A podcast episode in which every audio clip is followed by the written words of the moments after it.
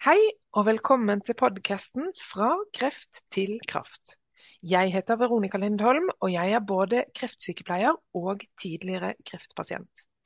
Og i dagens episode så har vi en gjest som heter Eva Fjelstad. Velkommen, Eva. Tusen takk skal du ha. Veldig hyggelig å være her hos deg. Og du er forfatter av bøkene 'Takk for maten'. Kan ikke du fortelle litt om hvem du er, og du er jo forfatter av disse bøkene. Kan du introdusere disse bøkene litt også? Mm -hmm. um, jeg kan jo si litt, da, for det, i 2015 så kom den boka her ut. Den heter da 'Takk for maten' med spørsmålstegn, og handler om alt det som er i den maten vi får kjøpt i vanlige butikker i Norge, som som skader oss. Og jeg er jo primært opptatt av tarmbakteriene. Fordi at hvis vi ikke har gode Nå er det ganske kjent, da, men jeg begynte å skrive i 2012, så var det liksom ingen som snakka om tarmbakterier her i Norge. Mm. kom jo Sjarmen med tarmen, den kom våren 2015. Så når denne boka kom i juni 2015, så hadde hun brøyta litt vei for meg. sånn at da solgte jeg ganske mange av de første året. Mm. Og nå har jo folk blitt mer opptatt av disse tingene som handler om sprøytemidler, som handler om tilsettingsstoffene, konserveringsmidlene, hvordan maten er behandla. Nå har vi jo en stor greie om ultraprosessert mat i nyhetene, ikke sant. Mm. Og alt det er egentlig innhold i, i den boka her. Mm. Og grunnen til at jeg begynte å skrive, det er jo fordi at jeg er så heldig at jeg vokste opp på antibiotika. Mm -hmm. Og når jeg sier vokste opp, så betyr det at at jeg fikk antibiotika pga. halsbetennelse fra jeg var 9 til jeg var 16. Og den gangen eh, så var streptomycin nytt på markedet, som tok streptokokker som ga halsbetennelse. Så jeg fikk da ti sprøyter med streptomycin i rumpa hver høst og hver vår fra jeg var 9 til jeg var 16. Det er heftig. Og da ble i 72 så ble streptomycin forbudt fordi det var så farlig. Så jeg har jo da greid å få veldig mye. Og når du bruker veldig mye antibiotika og får en ødelagt tarmflora, for da ødelegger du jo floraen, så kan du godt være frisk mange år etter det, føle deg frisk, men så begynner ting å komme på. Så når jeg var midt på 20-tallet, så ble jeg revmatisk. Mm. Så da begynte jeg å sjekke hva det kom av. Så var jeg vegetarianer en stund, var veldig opptatt av at maten skulle være basisk. Og jeg ble mye bedre, men jeg ble ikke helt bra. Og så når jeg var 46, så tenkte jeg ok, Eva, nå har du jobba i fengselsvesenet i 20 år etter du var ferdig med sosionomutdanninga. Det er 20 år omtrent til du går av med pensjon. Så du sitter her og være byråkrat resten av livet, eller gjøre noe annet. Og Da fant jeg at jeg skulle gjøre noe annet, så da begynte jeg å studere medisin og homopati. Mm. Så Da ble jeg hompat, og så begynte jeg å jobbe med homopati. Og jeg opplevde jo at folk kom og fikk en behandling så funka behandlingen, men jeg tenkte det er akkurat som noe putter ting inn i kroppen som gjør at de blir syke igjen. Det var en sånn følelse jeg fikk. Og, og jeg kom da tilfeldigvis Jeg jobba også med kvantemedisin, altså energimedisin. Det er også ganske kjent nå. Og så kom jeg tilfeldigvis over et kurs om proteinintoleranse i 2008. Så tok jeg det kurset, og en del av det kurset var å sjøl ta en test. Og så tenkte jeg jeg jo, får jo innmari fort vondt i skuldrene når jeg gjør noe og sånn. Og har jo så vondt i knærne at jeg kan jo egentlig ikke gå lange turer. Men jeg har jo ingen proteinintoleranse, jeg. Og så fikk jeg tilbake testen, og jeg tror faktisk det er en av de verste testene jeg har sett. Nå har jeg vel tatt 300 stykker. Oi. Så mitt system tåler overhodet ikke egg, og er veldig dårlig på melkeproteiner. Særlig hardt behandla melkeproteiner. Så etter at jeg kutta ut det, så har jeg fått en helt annen helse. Da må jeg bare eh, spørre deg, hva betyr hardt behandlede melkeprodukter?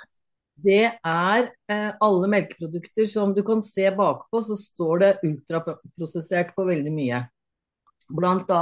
alle laktosefrie eh, melkeprodukter er eh, ultrapasteurisert. Mm. Og det fins jo forskning, da, det er en som heter Høie, som forska på det at når du ultraprosesserer både soya og melk, så blir eh, proteinene veldig vanskelig spaltbare. Altså kuproteiner er vanskelig å spalte for oss uansett. Det er veldig kompliserte mm. proteiner. Og noen sier jo du melk er for kuer og små barn, og ellers så skal vi ikke ha det. Mm. Eller morsmelk er for for små barn, da, og melk, melka fra kua er for kalven. Mm. Men, men vi, vi, drikker jo mye melk. Men han fant ut at så lenge melka er rett fra kua, eller lavt varma opp, så greier vi å spalte det. Mm. Men jo mer det blir varma opp, jo tettere sitter altså proteinet, altså det, det enzymet som skal spalte kalken bl.a. fra melkeproteinene og få oss til å greie å løse det opp, mm. det blir hardere og hardere. altså Enzymet blir drept også i den prosessen. Og hvis du ikke får spalta opp melkeproteinen ordentlig, og du har en lekk tarm, vi kan jo snakke litt om etterpå hvorfor får vi lekk tarm, liksom. Ja, absolutt. Så har du en lekk tarm, så kan disse delene av melkeproteiner komme inn i blodbanen din, og så reagerer immunsystemet. Mm. Du kan tenke deg hvis du har et kjempelangt perlekjede, hvis det er et melkeprotein, så skal det spaltes opp i enkle perler før det blir tatt liksom gjennom tarmslimhinna ut i blod. Men hvis du da har så lange biter av kjeder da, ikke sant, som kommer ut i blod, så oppfatter kroppen det som et fremmedlegeme, og da får du IGG, altså immunglobulin G, mm. mot den matvaren. Dette er dette er kompliserte uttrykk, og for, for, de fleste, meg selv inkludert, så kjenner jeg at, eh, at, det er vanskelig å forstå hva som egentlig skjer. Men det du eh, kanskje litt enklere forklart sier da, det er at tarmen ikke greier å ta opp næringsstoffene, og så kommer det gjerne ut i blodet hvis man har lekt tarm og forgifter kroppen. Tarmen kan ta opp næringsstoffene, det er greit, men det som er, er at hvis du har lekt tarm, så kommer ikke helt oppspalta proteiner peptider. Altså Det er grupper av aminosyrer. altså Det er de, det er ikke perlene, det er små grupper av kjeder. Mm. De kommer ut i kroppen, og det reagerer kroppen på. Mm.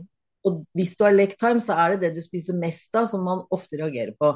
Mm. Så når jeg tester, så ser jeg jo at det er egg, melk, hvete de mange reagerer på. Pluss mais og soya. Mm. Veldig ofte. Mm. Så, så, så det, det, er en, en, en, test som mange som har da autoimmune sykdommer, også tarmsykdommer, eh, kan ta. Men du trenger ikke å ha vondt i magen. Altså, du trenger ikke å merke det i magen. Det er jo det skumle. Det er jo mange som på kreft f.eks. som ikke har hatt trøbbel med, med tarmen og fordøyelsen. Mm.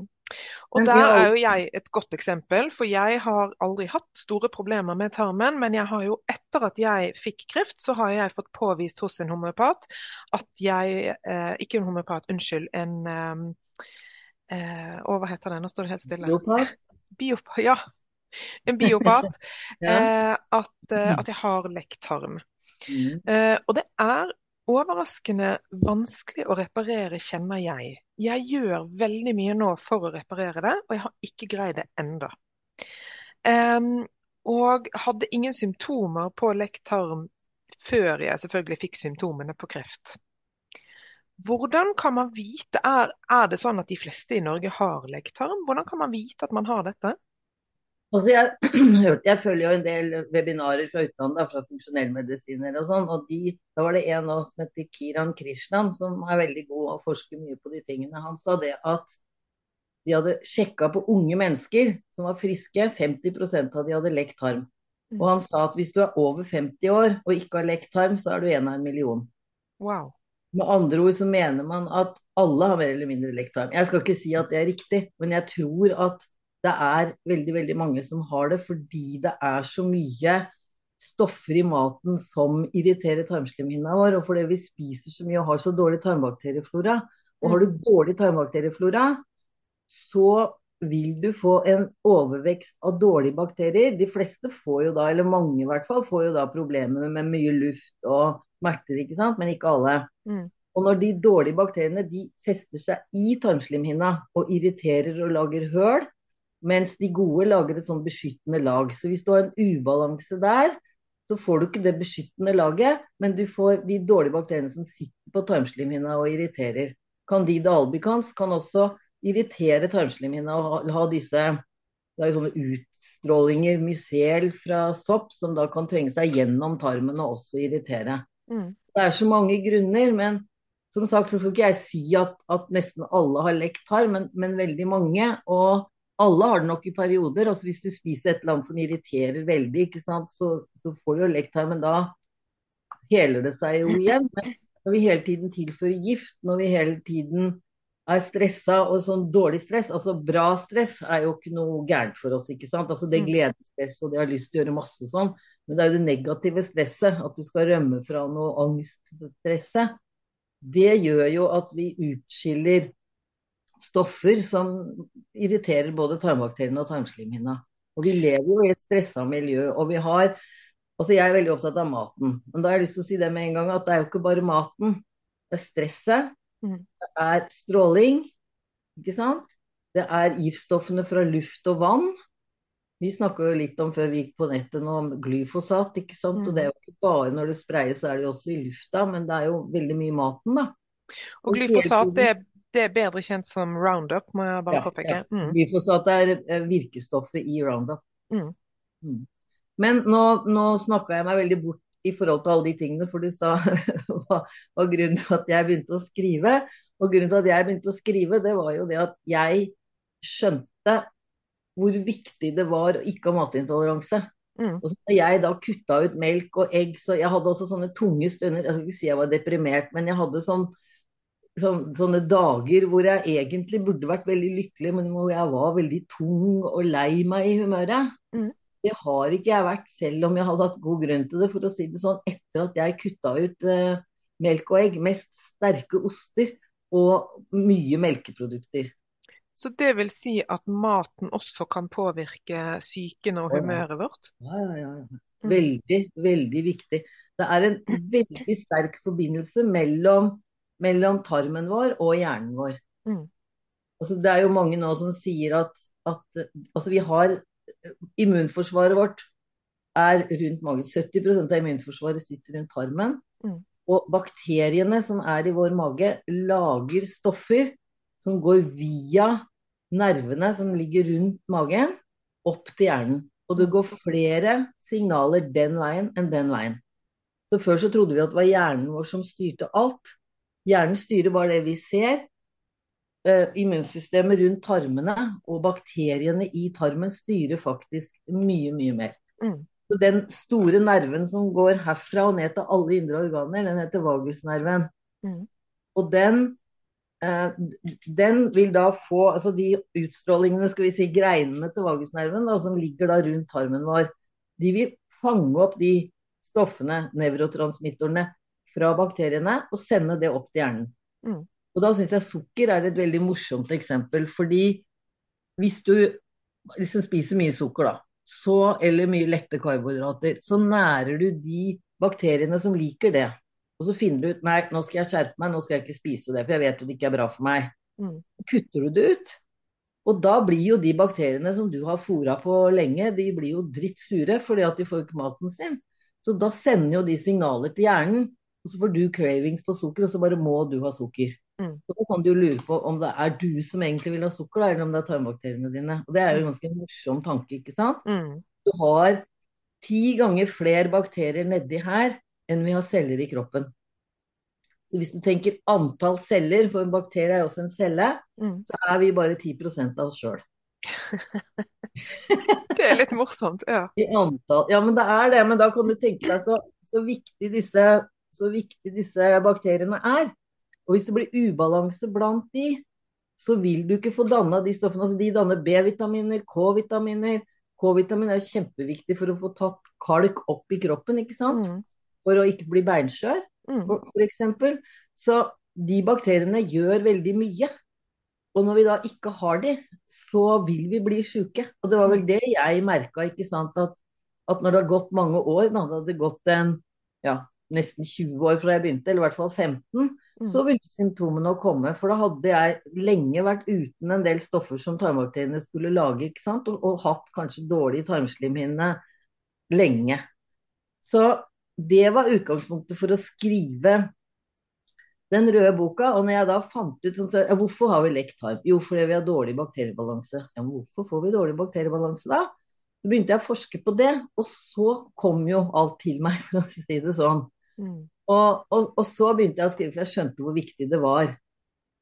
Ikke sant? Og så er jo jeg sånn Skal vi se, nå har jeg et bilde om, som jeg kaller maten på bordet her. Hvis jeg finner det, skal Og for dere som, Og for dere som bare lytter og ikke ser det på YouTube, så kan vi anbefale å gå inn og kikke på YouTube, for Eva har eh, noen fine bilder både av boken og nå innsiden av boken der. Og Det det bildet du viser nå, det er jo et uh, helt vanlig frokostbord. Ja, det er nettopp det som er poenget. Ikke sant? Og i den røde boka så tar jeg da for hvert kapittel, og så lager jeg svart-hvitt på det bildet. Jeg sykemelder på en måte maten. Og på det siste bildet i boka så er alt svart-hvitt. Men eh, da må jeg spørre, fordi vi spiser jo såkalt sunn og god mat i Norge. Hvorfor, og de fleste vet at sukker er usunt, og salat er sunt, og grønnsaker må vi ha, osv. Hva er det som er så galt med et helt van, vanlig norsk kosthold og dette frokostbordet som du viste nå? Hva er det som er galt med det? Det ser jo umiddelbart sunt og næringsrikt ut. Vel, det er det jeg bruker 400 sider på å forklare. Kan du korte det ned til fem minutter? Du, for det første så er det det vi nettopp snakka om, at veldig mange ting er varma opp så høyt at ikke vi greier å spalte proteinene. Og det gjelder jo alt da med, mye med melkeprodukter i. F.eks. det som er på bildet der, som er det som heter styrk. Så jeg sier at styrk står for stryk. Står til stryk. Mm. Fordi at der er det ekstra proteiner tilsatt. Og for de som ikke tåler melkeproteiner, så er det ille. Og for de som ikke tåler laktose, og bruker laktosefrie melkeprodukter, så får de alle proteiner veldig hardt behandla. Og de fleste som ikke tåler laktose, tåler heller ikke melkeproteiner, selv om de ikke vet det sjøl. Mm. Altså, du blir dårlig på andre måter. Du blir bedre i magen, men du blir, kanskje du får enda mer smerter i kroppen, da, men du setter ikke det i forbindelse med egg, nei, med, med melk, ikke sant? Mm. Så, og så det er nå én ting. Og så er det jo det at alle grønnsaker og sånn, hvis ikke du spiser økologisk, er sprøyta. Og sprøytemiddelrester er veldig skadelig for oss. Ja, det, er det det? sprøytemiddelrester er, er veldig skadelige. Og våre myndigheter sier at vi har lavt innhold av sprøytemidler. Og, men altså, det er nok riktig, fordi det er grenseverdi som er satt da av EUs trygghetsorgan for mat. Og hvis du holder deg under den, så sier vårt mattilsyn at det er ingen fare. Men hva da hvis det f.eks. som i norske jordbær er 3,9 ulike sprøytemidler i hvert bær, da, og alt er muggmidler. Og så sier ekspertene at ett muggmiddel er ikke farlig, men det er kanskje farlig å blande de. Det vet vi ikke noe om. Og vi tror det er veldig farlig. Og så spiser vi da fire muggmidler hver gang sammen hver gang vi spiser jordbær. Så selv om grensa er under, og den verstingen hadde åtte ulike sprøytemidler i ett bær. Ikke sant? Helt utrolig. Helt utrolig. Og det er klart det skader også. Det er en som heter André Lø, som har skrevet en bok som heter 'Myten om trygge pesticides', altså 'The Mist of, of Safe Pesticides'. Mm. Og han skriver at når du har store mengder med sprøytemidler, så oppfatter kroppen det som gift, og kan greie å skille det ut som gift. Når du har små mengder, så oppfatter kroppen det som hormoner. De er hormonlignende, veldig mange av de. Og da vil det endre balansen i kroppen vår. Og til og med vårt, eh, våre myndigheter kaller jo mange av sprøytemidlene for obesogener og diabetogener. Det betyr at de vet at når du får de stoffene i deg, så har du en tendens til å bli overvektig. Det forstyrrer hormonene dine som du trenger for f.eks. å regulere sult og andre ting. Mm. Og diabetogener kan være med på å føre til diabetes. Og det er det flere sprøytemidler som vi har, som er i den klassen der. Og du skal huske at selv om vårt mattilsyn hele tiden sier at det er lavt innhold, da er det 52% eller la oss si 50, da. Det varierer til 48 og 58. Jeg har fulgt med nå siden 2013. Mm. Det er rundt 50 av det vi kjøper i butikken som inneholder sprøytemiddelrester. Mm. Ca. 66-67-68% av det som er importert, og 34% av det norske. Med unntagen av norsk frukt, og særlig da jordbær og bringebær, der er det gift i alt. Og det er gift i alle bananer og alle appelsiner. Mm. Ikke sant? Um, og så allikevel så anbefaler man jo å spise frukt og bær og grønt fordi det er sunt. Men er det egentlig litt løgnaktig, det da? Nei. Altså får du mest norsk og du spiser grønnsaker, så er det så mange fordeler ved alle fibrene som er i grønnsaker. Og vi sier at halvparten har sprøytemidler, halvparten ikke, og nivået er da lavt. Altså, hvis du får i deg mye, så vil det jo fungere som hormoner, ikke sant? Mm. Men, men, men eh, jeg for eksempel er jo helt nazi. Mm. Altså Hvis det ikke er økologisk i butikken, så er det ikke i butikken. Mm. Ikke sant? Så da spiser jeg, du det ikke? Nei. Jo, det er to ting jeg spiser, og det er asparges og avokado. På avokado har det ikke vært sprøytemiddelrester i, og asparges heller ikke. De trenger ikke sprøyte det, for det tar det jo med en gang det kommer opp av jorda. Mm. Så der har det vist seg å være lite. Mm. Men altså, man trenger ikke være så nazi som det jeg er, ikke sant. Men fordi jeg skriver om det, og fordi jeg sier at det er skadelig, så vil jeg ikke ha det sjøl. Men det jeg, jeg, vil anbefale, er jo å, å, å, å tenke på at alt, all importert frukt omtrent har sprøytemiddelrester. Mm.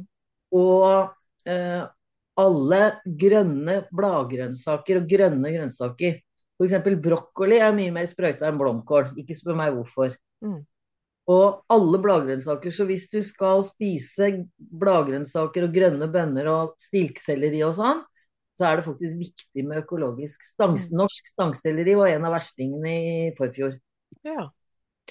Og- jeg syns jo det er veldig viktig, ikke sant. Så derfor Mm. så blir jo den friske frukten og grønnsakene som står på det bordet, for der er det appelsin og salat. Så der, ikke sant? Og da Mm. sier jeg at det er i så og så mange prosent, så er det faktisk sprøyta. Derfor så blir det svart-hvitt når vi snakker om det. Mm. Og så er det den ultraprosesserte maten. Det er jo mat som er veldig hardt behandla. Det er jo mat som er plukka fra hverandre og varma opp. Altså hvis du kjøper italiensk salat med kjøtt eller rekesalat f.eks., Mm. så kan du kanskje finne en kjøttbit og en reke og litt gulrot og sånn, men du aner ikke hva den sausen er lagd av. Og Nei. ser du bakpå, så ser du hauger og lass av E-stoffer. Mm. Og bl.a. konserveringsmidler som da er tilsatt maten for å drepe bakterier. Mm. Og de tilsetningsstoffene fortsetter å drepe bakterier når du spiser de, i tillegg til at den maten du spiser er helt steril. Mm. Så derfor så er jeg Altså alt pålegg du får kjøpt i norske butikker, er det tilsetningsstoffer i som gjør det tungt for tarmen. Jeg vil kanskje anbefale, for nå har jeg skrevet tre artikler som ligger på nettsida mi om prosessert og ultraprosessert mat. Mm. Så det, de som har lyst, kan jo gå inn og så lese de etterpå, for da forklarer jeg veldig hva er det, og hvorfor er det skadelig for oss. Og der skriver jeg masse om, om konserveringsmidlene. En del om fortykningsmidler og smaksforsterkere. Du vet aromat og MSG og Mm. gastromat og aromat og alt det der. Og så om, eh, om da dette her med sure kropper, som er veldig viktig. Men jeg må bare stille et spørsmål. Finnes det pålegg i norske matbutikker som overhodet ikke er ultraprosessert på noen som helst måte? For vi snakker jo om f.eks. at eh, makrell i tomat er sunt, sild er sunt. Um, ren, uh, rent kjøttpålegg finnes det. Um, ost, hva med det? Skal vi ta, ta én ting av gangen? Makrell Ja. tomat. Makrellen er jo kokt, men det er greit. Den er ikke ultrapasteurisert. Det er greit, ikke sant? Mm. Men sausen vet vi ikke helt om. Men det, altså, skal man velge noe, der er det ikke konserveringsmidler. Så skal man velge et pålegg, så vil jeg, jeg ville valgt sardiner i olje og makrell i tomat. Det er greit. Mm. Ikke sant? Um, brunost, hvis du tåler laktose, sånn som jeg da som ikke tåler melkeproteiner så godt. Jeg spiser ekte geitost, for der er det veldig lite kasein, altså ostestoff, men det er mye myse. Men jeg tåler det godt. Så jeg har ikke laktose Altså du kan ha laktoseproblem òg, ikke sant. Det er ikke bare det at melkeprotein og melk er melk, for det er det ikke. Nei. Og går du til legen og spør jeg lurer på om jeg tåler melk, for jeg syns jeg blir så dårlig i magen av melk, så sier legen at ja da, du tåler melk. Ikke sant? Fordi du har ikke lakt- laktoseintoleranse. Altså du kan spalte melk, og det er det han tester. Men han tester ikke om du tåler proteinene. Nei. Så, så, så det er, også dette her er ganske innvikla og vanskelig. Jeg har Mm. skrevet nå, jeg jeg skrevet ti artikler nå om mikrobiomet og om maten, som ligger på nettsida mi. Hva heter nettsiden din? Den heter Takk for maten i ett ord. Mm. .biz. .biz. OK. Så hvis du skriver www foran, da, det er jo vanlig, ikke sant, så er det Ja. takk for maten.biz. Jeg skal Og- legge ut det også i kommentarfeltene, sånn at man kan finne deg og også bøkene dine, for de eh, er veldig fine. Takk skal du ha. Jeg, men nå, vi, vi kommer jo aldri lenger til enn til at jeg skal presentere bøkene. Nei, vi gjorde ikke det. Og du presenterte kun den ene. Du vet at Den boka her handler da om alt som er gærent i maten. Mm. Og jeg konkluderer med at 80-90% av all maten du får kjøpt i norske butikker, gjør deg syk på en eller flere måter. Mm. Det er jo en veldig deprimerende påstand, Ja, det må, det må man si. det må man si. Og jeg mener det. Og jeg kan Mm. dokumentere det, og det er dokumentert der. Men da tenkte jeg at OK, det er deprimerende, da må vi gjøre noe med det. Så da skrev jeg den grønne boka. Og den heter boka som tarmen din har venta på. Den heter Takk for maten, den òg. Jeg har så god fantasi. som den her er utropstegn, og den andre er spørsmålstegn. Mm. Så her er det alt du trenger å vite om hvorfor ting er bra for magen din og deg. Og um, det er ikke så vanskelig som jeg sier der, for hvis du blir bevisst og kjøper en del ting, finner ut av hva du ikke tåler, og f.eks. har avtaler med bønder, kjøper kjøtt direkte, altså fin, finner ut hva du tåler, kjenner det. Jeg har sånne runder i butikken, jeg vet at der er de det, der er de det. Handler en gang i uka. Og Mm. så er jo jeg heldig som bor sånn at jeg kan dyrke en del sjøl, da. Så nå drukner jeg jo i flotte grønnsaker, ikke sant. Og det er jo veldig deilig. Ja. Mm. Men det er jo også noe med kunnskapen om å konservere disse grønnsakene, og ikke minst tiden. For vi lever i et samfunn som er preget av tidspress på nesten alle kanter. Hvordan skal mennesker som eh, altså en kjernefamilie hvor mor og far er i jobb, eh, kanskje to-tre små barn i barnehager og skoler som skal hentes og leveres og trening, og, eh, og jeg kjenner selv da jeg slet med fatigue som verst etter min behandling, da ble det mye Grandiosa og Toro-posesuppe og alle disse tingene. Og selv om jeg visste at dette her skada meg mer, så var det det jeg hadde krefter til å gjøre. Er, altså, det er det jeg prøver her, da. I, denne, altså det er en kokebok også i den grønne boka. Mhm. Som eh, har 50 oppskrifter. Ja. Og alle er uten egg, melk, hvete og sukker. Men det er ikke uten gluten, men det er uten hvete. For det syns Mm. jeg er det verste. Det kan vi jo snakke om. Men i alle fall så, så, så har jeg da skrevet Den første delen handler om hvorfor ulik mat er bra for tarmen. Og i den gule kokeboka så er det et grønt avsnitt på slutten av alle oppskrifter hvor jeg skriver eh, det og den innholdet, eller den og den ingrediensen inneholder sånn og sånn som er bra pga. sånn og sånn, og så står det parentes, og så kan du et sidetall, og så kan du bla tilbake og lese om hvorfor det var bra for tarmen. Mm. Sånn sett så kan du øve deg opp, og det jeg er veldig obs på, er å lage porsjoner, fryse ned. Altså hvis du f.eks. lager en, en bønnepostei, da, så bønnene har ligget lenge i vann, så de er godt bløyta, de har kanskje også spira litt, sånn at, at de er ganske basedannende, ikke sant. Så Mm. lager du en stor porsjon av det en dag, og så fryser du ned i små, tomme tomatglass. Forutsetningen for å gjøre disse tingene er jo at du har en fryser. Mm. Ja. Altså Hvis du ikke har en fryser, så blir det mer tungvint, ikke sant? For De fleste da- mennesker må man gå ut fra ha det i dag, i hvert fall i Norge. Um, så det, det er mer, tror jeg, det med å finne tiden og eh, forståelsen for hvorfor dette er så viktig. Jeg tenker at hvis du skjønner hvorfor det er så viktig, så blir du mer motivert til å gjøre noe med det. Det er derfor jeg har brukt så lang tid når jeg holder foredrag også på å snakke om hvorfor bakterien er så viktig. Mm.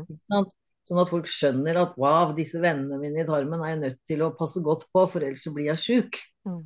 Og da blir du mer motivert til å gjøre noe. Og jeg sier at hvis du kan av og til lage store porsjoner og fryse ned, altså det tar ikke lengre tid å plukke et, et glass med god leverpostei, altså bønnepostei opp fra fryseren, enn det tar å plukke den ned fra hylla i butikken, ikke sant. Nei, helt riktig. Og det er veldig enkelt å lage fiskeretter. Altså du har grønnsaker som du skjærer opp og legger innimellom fisken og hiver i ovnen. Og så kan du lage en salat eller dekke bordet eller hjelpe ungene med lekser eller gudene veit hva du gjør de 20 minuttene, 30 minuttene det tar å bake inn i ovnen. Mm. Så det er mange ting er ikke veldig tungvint, men Men jeg tror det handler om kunnskapen rundt hvorfor det. dette er viktig.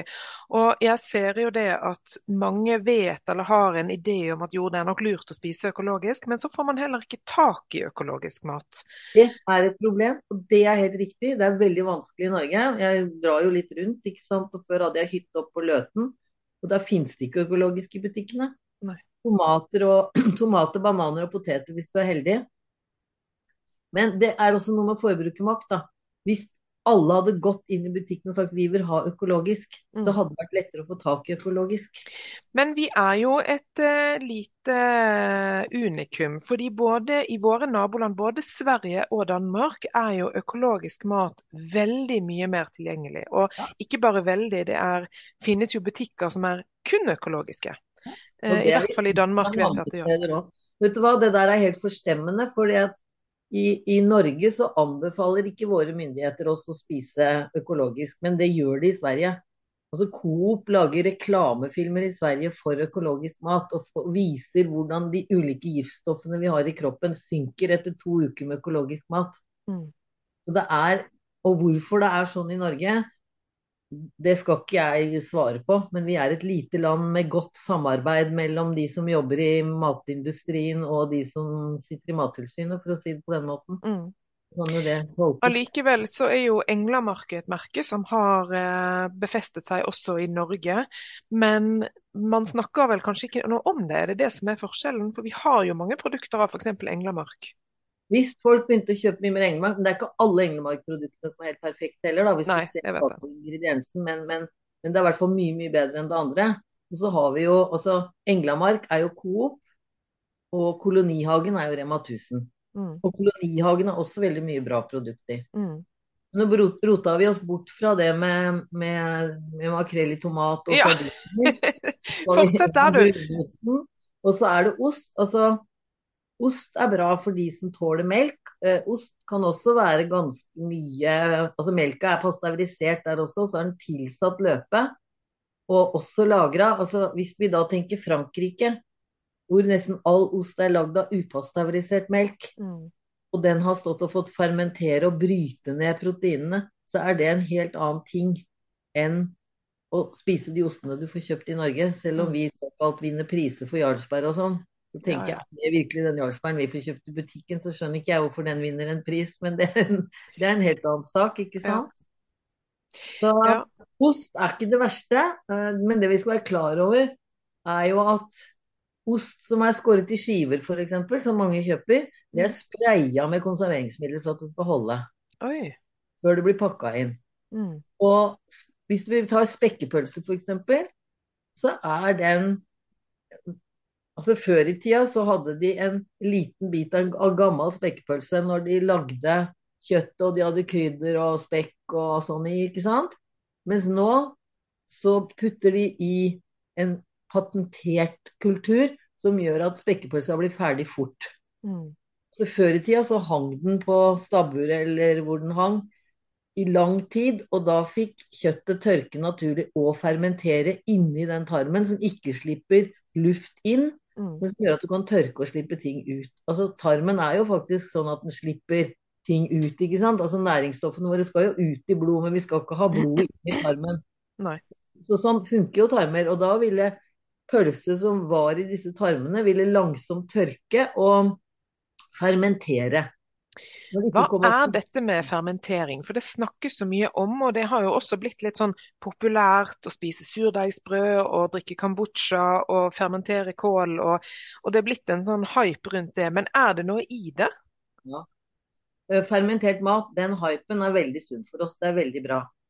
Fordi at når ting fermenterer, det som fermenterer f.eks. spekkpølsa, da, som vi snakka om nå, den fermenterer jo da uten at det kommer oksygen til. Og da vil den få såkalte anaerobe bakterier, altså de bakteriene som ikke vil ha luft, og det er de vi har i tykktarmen. Mm. Og det som utvikler seg da, hvis det ikke er tilsatt en kunstig kultur, da, men hvis det er naturlig spekkpølse, så er det naturlige bakterier for oss. Og hvis du f.eks. lager fermenterte grønnsaker, den såkalt villfermentering, altså den uten noen tilsatser, det er det jeg bruker. Altså Hvis du tilsetter bakterier for å få det til å syrne, så har de også putta inn sånn patenterte bakterier, ikke sant. Men du kan lage fermenterte grønnsaker med kun salt og grønnsaker. Og når det står under tett lokk, så begynner bakteriene i grønnsakene å fermentere. Og så får du masse naturlige bakterier som er veldig bra for tarmsystemet ditt. Kan du gi et enkelt eksempel på hvordan man kan gjøre det med helt vanlige grønnsaker? Ja, det litt, hvis du skal sette i gang med det, så er det lurt å alltid ha ca. en tredjedel med kål. Og så um, renser du kålen eller, og de andre grønnsakene. Du kan godt blande, Jeg blander stilkselleri og gulrot og alt mulig sammen med kål. Du kan lage bare kål, da har du surkål. Det er kanskje mm. det enkleste. ikke sant? Mm. Så kan du blande i andre grønnsaker. Og når du har én kilo med ferdig rensa grønnsaker, så tar du 20 gram salt. Og så blander, altså Du skjærer grønnsakene i små biter eller rasper. Og så blander du det med salt og lar det stå en ti minutter, kvarter. Og så begynner du å kna det. Vask hendene normalt. Begynn å kna det. Det skal være glassbolle, ikke stål og ikke plast. For det har noe med jonene å gjøre, og at det blir forstyrra. Så glassbolle, kna det, så vil du se at da kommer det masse fuktighet ut. Og så har du et norgesglass, helst, med vet, de røde strikkene. ikke sant, Du skrur det på. Kan mm. bruke patentglass også, men de har ofte veldig stramme strikker. For Poenget er at når dette begynner å fermentere, så dannes det gass. Og hvis det er for tett, så kan glasset eksplodere. Mm. Men norgesglass vil alltid slippe gassen ut, men ikke slippe oksygen inn. Så jeg har brukt nå i 20 år har jeg fermentert og brukt Nei, det var litt overdriv. 15. og bruke norgesglass. Og det er én gang det ble mislykka at det begynte å mugge, ellers så blir det bra. Mm. Så når du da blander det, og du får den fuktigheten, så skal du putte det nedi, og så kan du bare bruke neven. Du kan selvfølgelig bruke noe annet også, men jeg bruker henda. Så stapper du det helt, stapper det helt hardt sammen. Da vil du få væske over. Så Da vil du få ut all lufta, og så er det væske, og så skal det være litt væske øverst. Mm. Hvis du legger da et par kålblader helt på toppen der, for kål inneholder veldig mye av de bakteriene som gjør at grønnsakene begynner å fermentere. Det er derfor jeg sier ha en tredjedel med kål i hvis du vil at det mm. skal bli vellykka. Og så setter du det på benken en uke, og så smaker du på det. Da skal det være syrlig og friskt og godt. Og hvis du liker liker surere, kan det stå lenger. En uke, er, da blir det mildt og godt og surt. Og da, en teskje av det inneholder like mye bakterier som en sånn kapsel som har så og så mange milliarder. Og det er de naturlige bakteriene som vi er vant til. Mm. Og, ikke, og kombucha, det kan du si er også veldig bra. Vannkefir, hvis du ikke tåler melk. Kefir, hvis en skal anbefale et produkt, så er jo all kefir nå økologisk. Og kefir er lagd av naturlige bakterier. Altså det er kefirkorn, så det er ikke patenterte bakterier. Så skal du ha et surmelksprodukt, så anbefaler jeg kefir. Mm. Alle yoghurter og alt annet, hvis du leser bakpå også, de er tilsatt kunstig søtningsmiddel, konserveringsmiddel, all mulig unnskyld, mm. I tillegg til at de er ofte uh, ultraprosesserte, dvs. Si, som vi snakket om i stad, veldig harde proteiner. Mm. Så... Denne, denne kålfermenteringen som du snakket om nå, er det noe du vil anbefale at man spiser litt av hver dag for å få en sunn tarm? Vil, og vil man da kunne ja. De danner også base i kroppen. Ja, fortell mer om det. Dette med syre-base-balansen, det snakker vi veldig lite om i samfunnet generelt. Kan du mm. fortelle litt om hva slags betydning det har for utvikling av sykdom?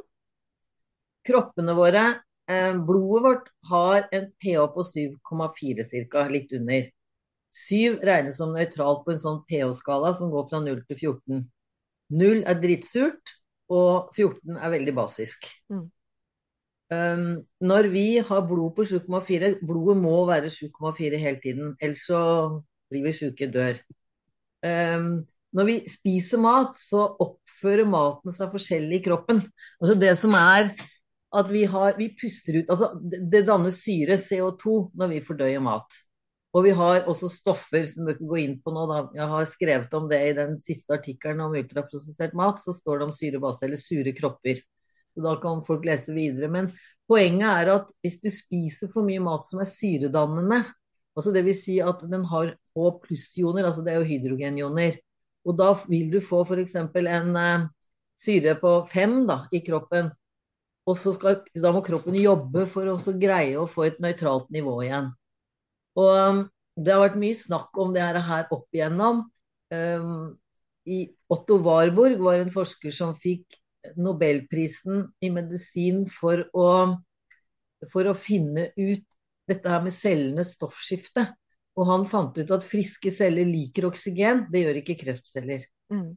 Kreftceller liker ikke oksygen, men kreftceller liker sukker. De har 17 eller 19 ganger flere reseptorer for sukker enn friske celler. Mm. Ikke sant? Sånn at når vi spiser sukker, så fyker de rett til kreftcellene. Og sukker er veldig syredannende selv om det er søtt. Mm. Men tilbake til hva som skjer. Når vi spiser, så har vi en kropp som skal regulere dette. Sånn at vi skal hele tiden ha den ordentlige pH-en som vi skal ha. ikke sant? Sånn at vi har friske celler. Men så spiser vi da og jeg får si det først, så så, så, disse mm, stoffene de skal da skilles ut. Altså vi skiller jo ut eh, CO2 når vi puster. Vi har huden, vi har nyrene, kvinner har livmor. Alt det er med på å balansere, så vi skal ha en god pH i kroppen. Men så er det det at hvis vi spiser for mye syredannende, og stress, dårlig stress er også syredannende mm. Hvis vi får mye av det, så får vi syreoverskudd, og det lagrer kroppen på visse steder. Mm -hmm. Og dette fant Otto Warburg ut, men så ble det en veldig nedprioritert forskning da når medisinerne fant cellegift og den slags, ikke sant. Mm. Og så er det nå en eh, forsker som heter Seyfried. Han holdt også foredrag på Kostreform sin konferanse i januar i år. Mm. Og han sier at kreft er ikke en genetisk sykdom, sånn som det blir sagt. Han sier at kreft er en metabolsk sykdom. Og alle kreftceller har ødelagte kraftstasjoner. Altså alle cellene våre har kraftstasjoner som danner kraft til oss, dette ATP. Mm. Og um, hvis cellene får et for surt miljø, så vil de lukke seg for å beskytte seg, og da kan de begynne å fermentere. Nå er vi inne på fermentering igjen, ikke sant? Det er spennende, ja. Men de fermenterer negativt, og da kan de utvikle seg til kreft. Mm. Og de er så smarte at de gjør det på en sånn måte at immunsystemet ikke kjenner de igjen alltid. ikke sant? Mm. Men vi skal vite det at vi har, alle sammen har vel kreft flere, tilløp til kreft flere ganger om dagen. Det er helt riktig. Ja. Så som regel så greier immunsystemet å fikse det, men blir det for surt over for lang tid, så vil, vil disse mitokondriene som da har lukka cellen, kan du si, altså da vil de cellene begynne å fermentere, og det kan føre til kreft. Mm. Det er jo det Seyfried sier nå. Og han har forska videre på han Otto Warburg jeg snakka om sin forskning fra 30-tallet. Mm. Og, og, kommer nå med det og sier det er metabolsk sykdom. Og det sier veldig mange funksjonellmedisinere også. Og så har vi han Robert O. Young. Han skrev en bok som het pH-miraklet for mange år siden. Mm -hmm. Og han sier at hvis du opprettholder en basiskropp, eller i hvert fall ikke sur, så vil ikke de dårlige bakteriene trives i tarmen din, og du vil ikke utvikle sykdom, og heller ikke inflammasjon. Altså, vi går jo rundt med lavgradig inflammasjon. Det å ha smerter er jo lavgradig inflammasjon, og det får vi mener veldig mange om maten. Legene vil si at nei, kroppen vår justerer dette her, og her, så vi er alltid nøytrale. Men når vi spiser så mye som danner syre, så greier ikke kroppen å skille ut alt, og da får vi et surt kroppsmiljø. Og det er også giftene vi får i oss, ikke sant. Mm. Blant annet glyfosat, som jeg snakka om, altså Roundup. Mm. Og andre gifter fra naturen, og også alle tilsetningsstoffene i maten. Husk på at vi spiser ca. 15 gram syntetiske tilsetningsstoffer hver dag i norsk mat. Helt vanvittige mengder. Tre teskjeer med syntetisk stoff som er tilsatt for at maten skal se fin ut og holde lenge. Mm. Det er en som heter Brekke, som skrev en bok som het 'Vit hva du spiser'. I 2013 kom siste utgaven ut. Men uh, han snakker jo, eller de, det er han og kona, de snakker om, om alt som er i maten. Og har mm. regna ut at det er 15 gram. Om det er helt matematisk riktig, men det er det, er det anslaget de hadde, da. Mm, i, I, et normalt norsk kosthold, da? Ja. Med maten på bordet. Ja. Alle tilsetningsstoffene. Mm. Så at det er sunt, det, det, det, det er ikke jeg med på. Hvis vi skal gå tilbake til dette med syrebase, hva skal man spise for å holde kroppen mest mulig basisk? Um, uh, ja. Grønnsaker er stort sett basisk. Sukker er ekstremt syredannende. Mm. Sitron er like surt som magesyra vår omtrent, så det er veldig bra å drikke sitron før du spiser. Mm. Men når sitronen blir fordøyd i kroppen, så blir det basisk.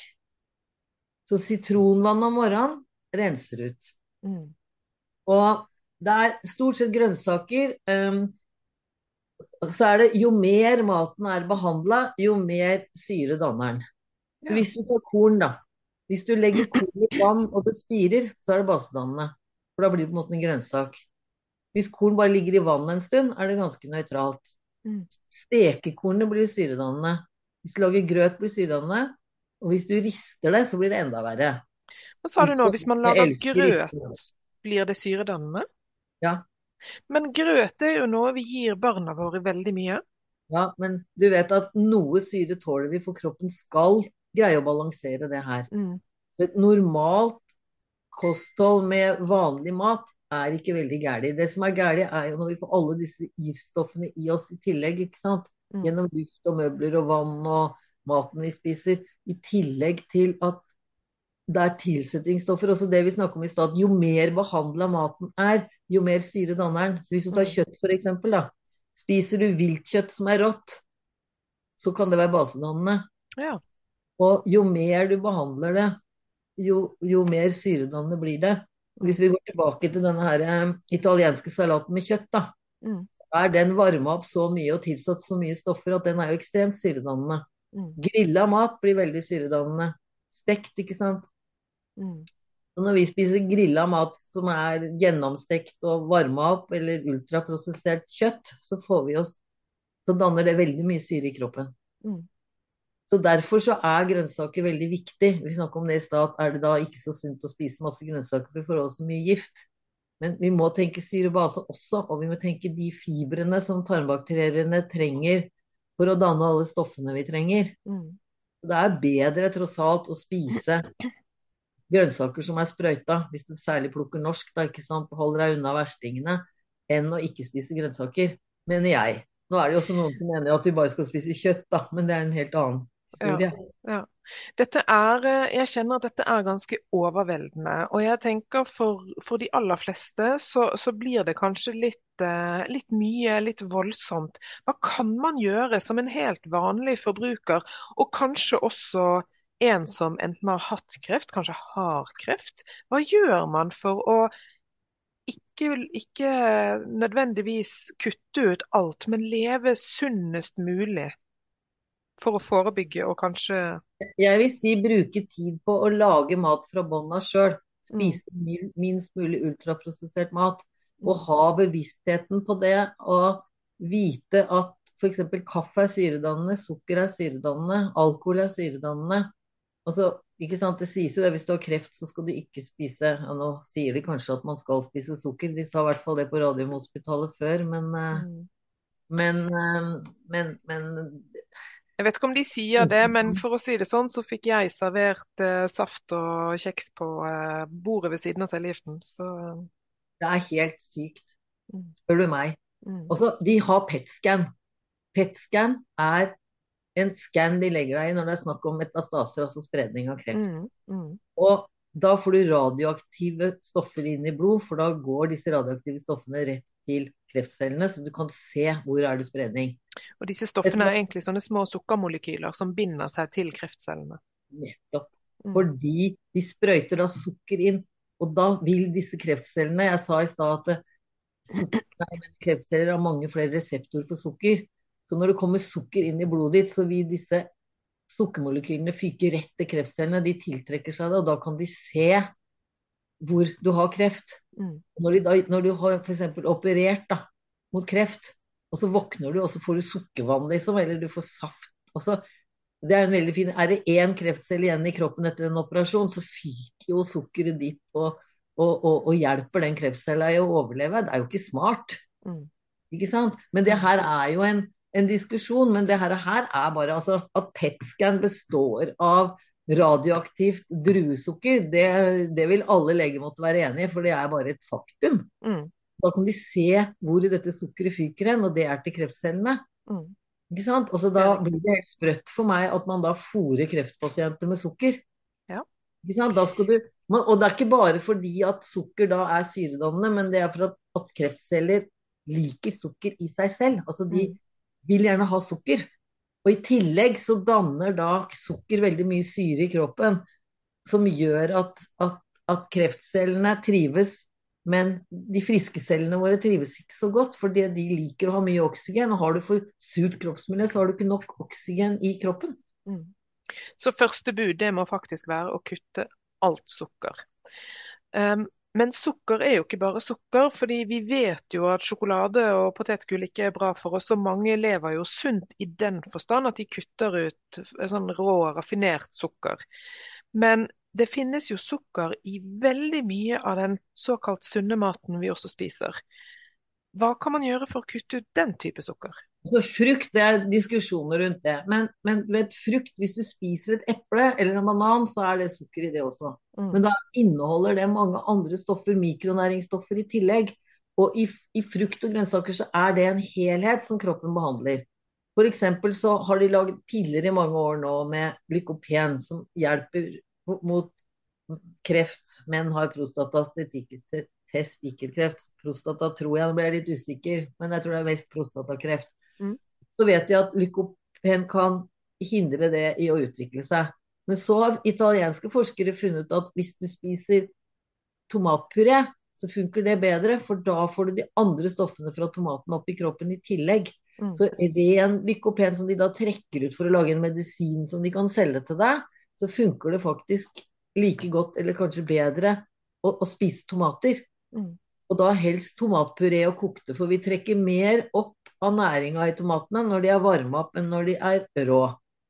Så det er også en ting. Da det, har jeg da, da skal jeg si, nå avbryter jeg deg, men Ja. dette her, her er komplisert. Du sier det, det er kjempevanskelig. mm. Men det er en grei regel, og det er å lage mat sjøl. Kjøpe økologisk der du kan. Spise norske grønnsaker framfor utenlandske. Og kutte ut de ting som danner syre. Og du kan også gjøre enkle ting, vel f.eks. å kjøpe basete på helsekosten. Det er teer som består av urter som er med på å gjøre kroppen basisk. Så hvis du kan venne deg til å drikke det istedenfor kaffe, istedenfor annen te, ikke sant? at du er bevisst på det, så gjør du kroppen din en, en tjeneste bare ved det. Mm. Og kutte ut juice. Altså juice er bare da da er, vi, da er vi vekk fra det med hel frukt. ikke sant? Da er fibrene tatt ut, og så er det bare sukkerjuicen du drikker. Mm. Da får det en annen virkning i kroppen enn hvis du spiser frukten. Og så har vi altså juicing ellers, da, når du juicer grønnsaker for å rense opp, det er én ting, men nå tenker jeg mer sånn eplejus og appelsin. Ja, til Ja. frokost. Og så har du smoothies, da har du jo hele grønnsaker som blir blanda, som du spiser.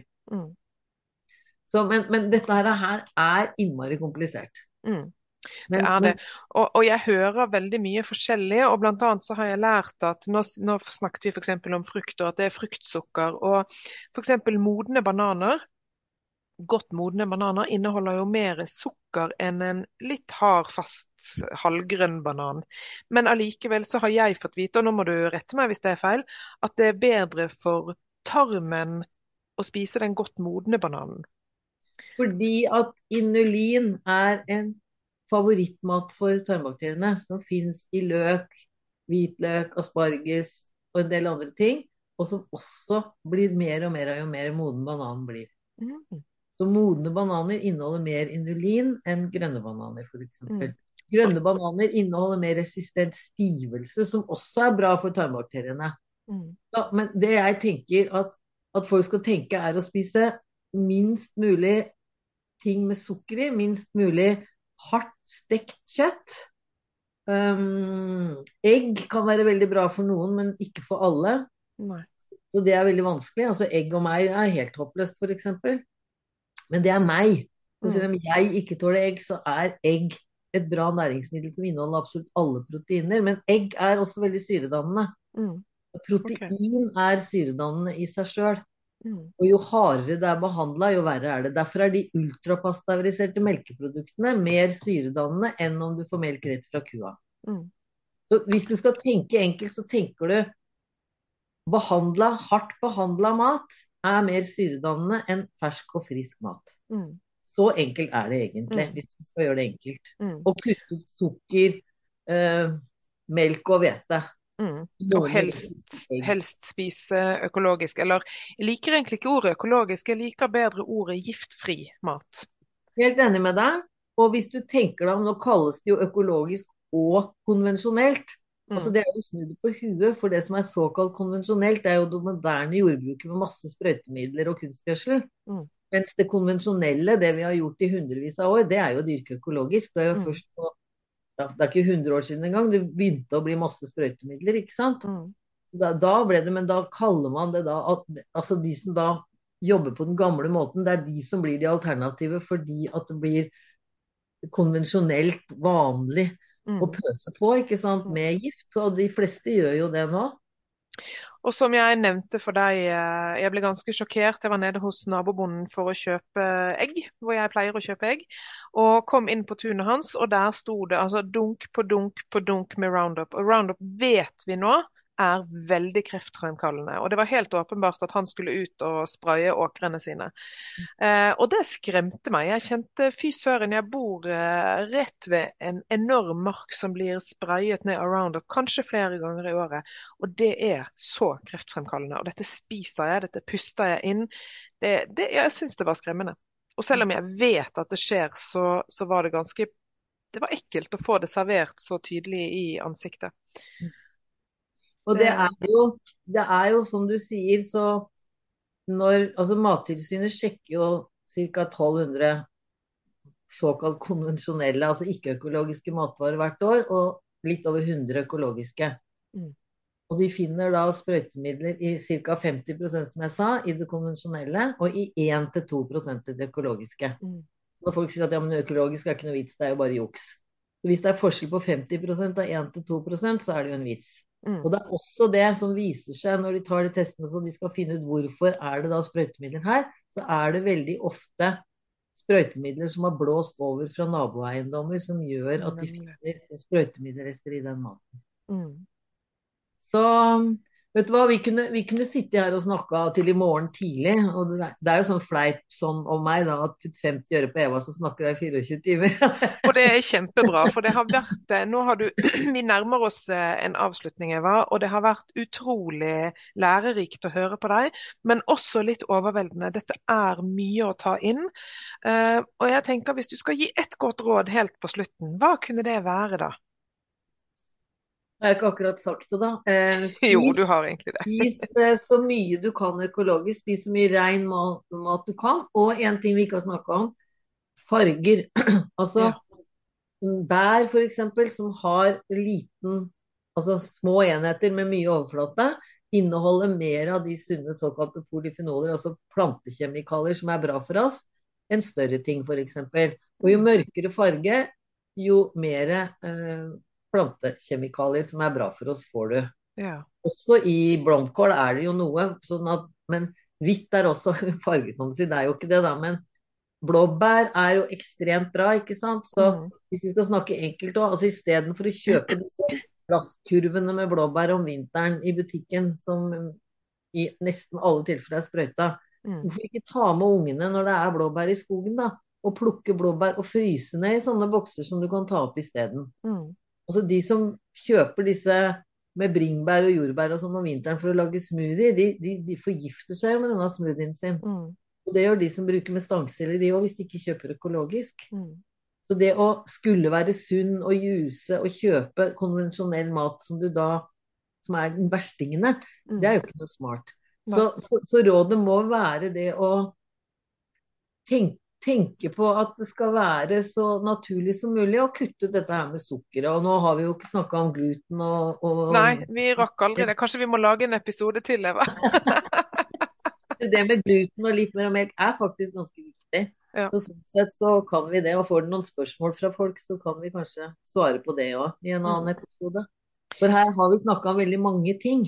Ja. Og når det gjelder kreft, så er jo det her med det sure kroppsmiljøet er viktig. Og da er det jo ikke bare det å spise de tingene vi snakka om, men som jeg også sa, å unngå giftstoffer. Og også Mm. tenke at man skal rense ut. Man kan jo også kjøpe rensete man kan drikke om morgenen. Sitron renser ut sitronvann, som danner base og er med på å rense ut.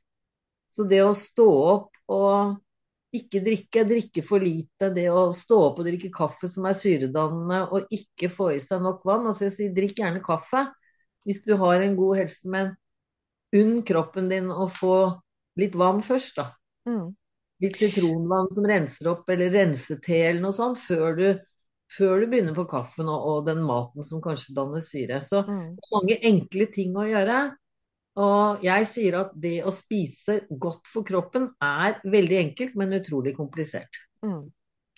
Det gir jeg deg 100 rett i. Jeg må spørre om én ting eh, som jeg sitter og brenner inne med. Det er veldig mange, inkludert meg selv, som også tar natron i vann. Eh, for å, å, danne mer base i kroppen. Hva Veldig tenker bra. du om det? Veldig bra. Eh, natron, altså natron er det stoffet som vårt system lager. Altså, jeg sa at blodet vårt er 4,7. Nei, 7,4. Magesyra vår er 1 til 2. Mm. Men når maten kommer over i tynntarmen, da kommer natron inn i bildet. Eller det kjemikaliet som, som egentlig er natron, da. Og da blir det innholdet i tynntarmen basisk. Mm. Tarmen har 8,3, dvs. Si litt basisk. Så det er veldig viktig. Og har du nok av disse stoffene i kroppen, så er det lettere å, og, og, og ha en basisk kropp også. Om du ikke får rensa ut all syra, så er det viktig å danne stoffet som natron er. Og, og når, du, når, du, da spiser det, men da må du passe på, for at dette blir jo basisk også i magesekken. Så det å drikke natron når du skal spise, det er ikke særlig smart. For da lager du altså syra Det skal være surt i magesekken. Så du drikker ikke et glass med en teskje natron og så spiser. Nei. Det gjør du minst en halv time før du skal spise, og minst to timer etterpå. Mm. Så veldig mellom måltidene. Og da vil det natronet gjøre at kroppen din blir mer basisk, for det er et meget basisk stoff. Mm. Jeg, tar det, jeg, tar det, faktisk før jeg legger meg om kvelden, sånn at det får jobbe i løpet av natten. Det er smart. Da renser jo det ut og lager kroppen din basis mens du sover. Mm. Um, kan, du kan også ta det med en gang du står opp om morgenen. ikke sant? Hvis du ikke er sånn som spiser nå. Vi har heller ikke snakka om det med periodisk faste og forhold til tarmbakteriene. Men du kan bare si at det er også veldig bra å ikke Mm. spise hele tiden. Og la tarmbakteriene få hvile, la fordøyelsen få hvile. Mm. Sånn at man Kanskje man ikke skal, sånn som mange sier, du skal vente til klokka er minimum tolv med å spise. Det spørs når du spiser siste måltidet ditt, og det er heller ikke bra å legge seg med stappfull mage. Så, men pass på å ha en 14-15 timer i hvert fall mellom siste og første måltid. Mm. Sånn at fordøyelsen får hvile. Og så var det veldig bra du spurte om det med natron, for at det gjør kroppen veldig basisk. Og det er en av de tingene han Robert O. Young som jeg snakka om, som skrev boka pH-miraklet, han går jo veldig inn for at vi skal ta natron. Mm. Mm. Og da må jeg si at uh, natron som man kjøper på Rema 1000 eller Kiwi, ikke er uh, nødvendigvis den beste, så kjøp gjerne det på helsekost. Ja, og så kan du bestille på nettet. Altså Nå sitter jo jeg og sier natron, og jeg vet jo at det ikke heter natron, men jeg greier ikke å komme på det andre ordet nå. Eh, bikarbonat, bi- nat, Bikarbonat. Ja, bikarbonat. Mm. Og det får du også kjøpt i kilosposer flere steder på nettet. Og da blir det rimelig, og da er det helt grei greie. ikke sant? For skal du kjøpe de små posene og ta en teskje hver dag, så blir jo det ganske slitsomt etter hvert. Det kan bli dyrt. Mm. Så det er en veldig godt tips for folk som har kreft og gjerne vil holde seg friske, og som Mm. kanskje har leddproblemer og andre ting og har en sur kropp. Mm. Men du, nå spurte du om det. Og det er tusen andre ting å snakke om. Det er bare Ja, det å det er det. Vi kunne fortsatt i en evighet. Eva Fjelstad, tusen takk for at du kom. Hvor kan man få tak i deg hvis man har flere spørsmål eller har lyst til å kjøpe bøkene dine? Du kan gå inn på den nettsida som jeg sier. Der er, kan du legge en kommentar på Mm. den www.takkformaten.biz. Du kan også skrive til eva at takkformaten.biz. Det er min e-postadresse. Og så når du går inn på den nettsida, så finner du jo også bøkene. Og disse bøkene kan bestilles i alle nettbokhandler, så har de det. Mm. Søker du på takkformaten på ark eller Libris eller et eller annet sånt, så dukker den opp. Og da kan jeg si at jeg anbefaler på det varmeste å kjøpe de for å få en eh, større forståelse av hva alt dette handler om. Det er jeg glad for at du sier, og tusen takk for at jeg fikk komme. Selv tusen takk. Ha det bra, Eva. Ha det.